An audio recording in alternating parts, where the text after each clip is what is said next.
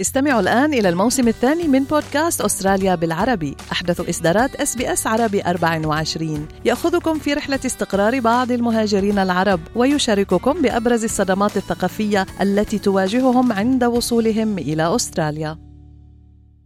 أنتم برفقة إس بي إس عربي 24 حصل السيد ماثيو كيروز على ميدالية أستراليا رفيعة المستوى Order of Australia Medal تقديرا لإسهاماته في المجتمع المحلي ومبادراته المجتمعية وبالأخص مساعدته لذوي الاحتياجات الخاصة بالإضافة إلى عمله في قطاع التأمين لأكثر من ثلاثين عاماً. تحدثت أنا منال العاني مع الناشط المجتمعي ماثيو كيروز عن أصوله اللبنانية قائلا إنه ولد في أستراليا وإن جده جاء إلى أستراليا قادما من لبنان عام 1890 وكبر وترعرع في منطقة ريدفن بسدني وعمل مع الجالية اللبنانية في ريدفن وحصل على جائزة من الحكومة الفرنسية في لبنان آنذاك لعمله مع الجالية.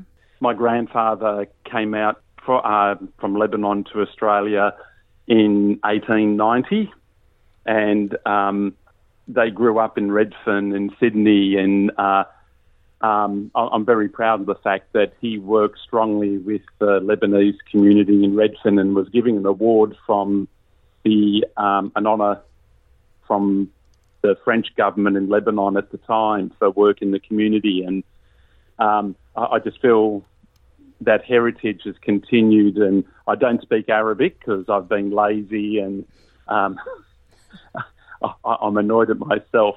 But I still feel very proud that myself and my children are proud of the Lebanese heritage and work in the Lebanese community still.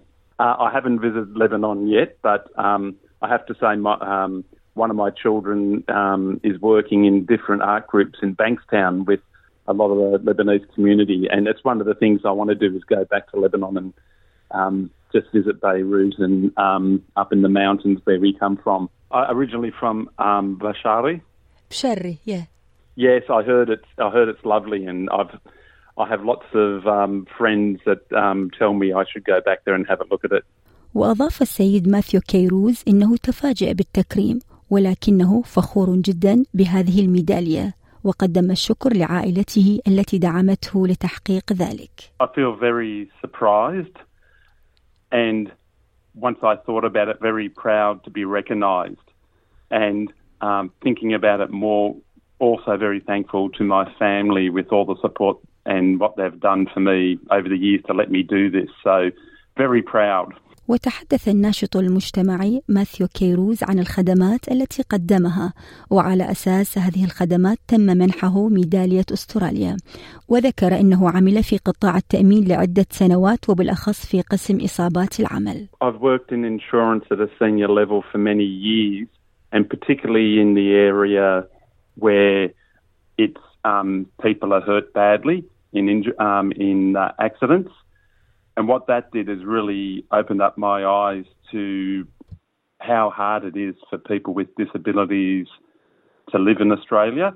And so I was very lucky to be asked to work with several groups, and I have been for the last 10 years in um, trying to make it better in Australia for people living with disabilities to have a choice of how they live and being able to live ordinary lives. وتابع السيد ماثيو كيروز أن العمل بهذا المجال فتح عينيه على الصعوبات التي يعيشها الشخص الذي يتعرض للإصابة في مكان العمل ويعيش إعاقة في أستراليا مشيرا إلى أنه محظوظ بالعمل مع أشخاص يعانون من إعاقات وقدم لهم المساعدة لأن من حقهم أن يعيشوا حياة حرة كريمة. It's been interesting because we've been able to get in there and try and make changes. So, working with the government, trying to actually have the insurance industry focus on that it's giving a service to the community rather than just making money.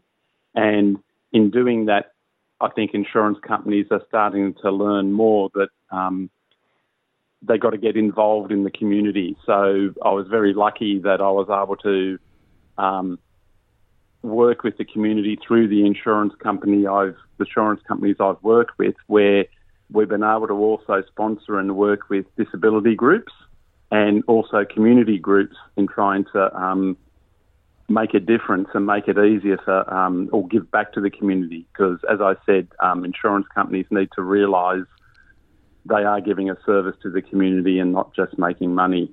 وعمل السيد ماثيو في قطاع التأمين لخبرة تمتد لثلاثين عاما فكيف له أن يتعامل مع هذا القطاع؟ ولكنه يحب هذا المجال وقد تحدث مع الحكومة لعمل تغييرات والتركيز أكثر على الخدمات المجتمعية وليس فقط من أجل كسب الربح لقطاع التأمين. I think what we learn is that people um, have to have a voice.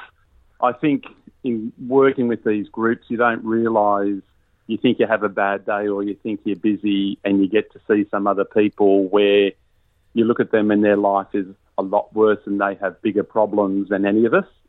And working with these groups, it just seems natural that if I got time, um, I'd give it to them to actually help them change the systems. And that way, if you change the system in working with groups like the Physical Disability Council, in getting the systems changed, people can actually have a better life. And you you do it one off, but also you get the systems changed. And I think I don't realise the time. It's I've got a wonderful family, and it's moments of enjoyment you get back from it, and meeting new friends, and it's those small moments of joy you get that make it worthwhile, and new friendships.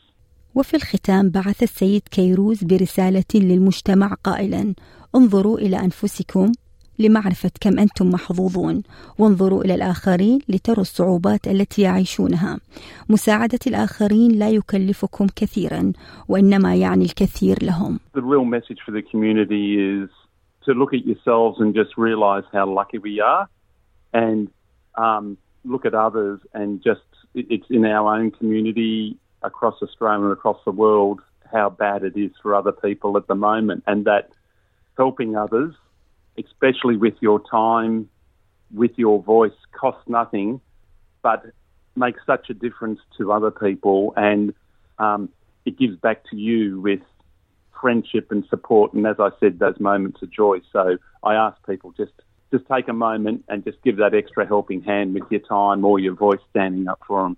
هذا التقرير من إعداد وتقديم منال العاني استمعوا إلى آخر إصدارات اس بي اس عربي 24 على جميع منصات البودكاست. تابعوا بودكاست الهوية في موسمه الثاني الذي يروي قصصا واقعية تعكس تحديات الانتماء التي يواجهها الشباب العربي في أستراليا.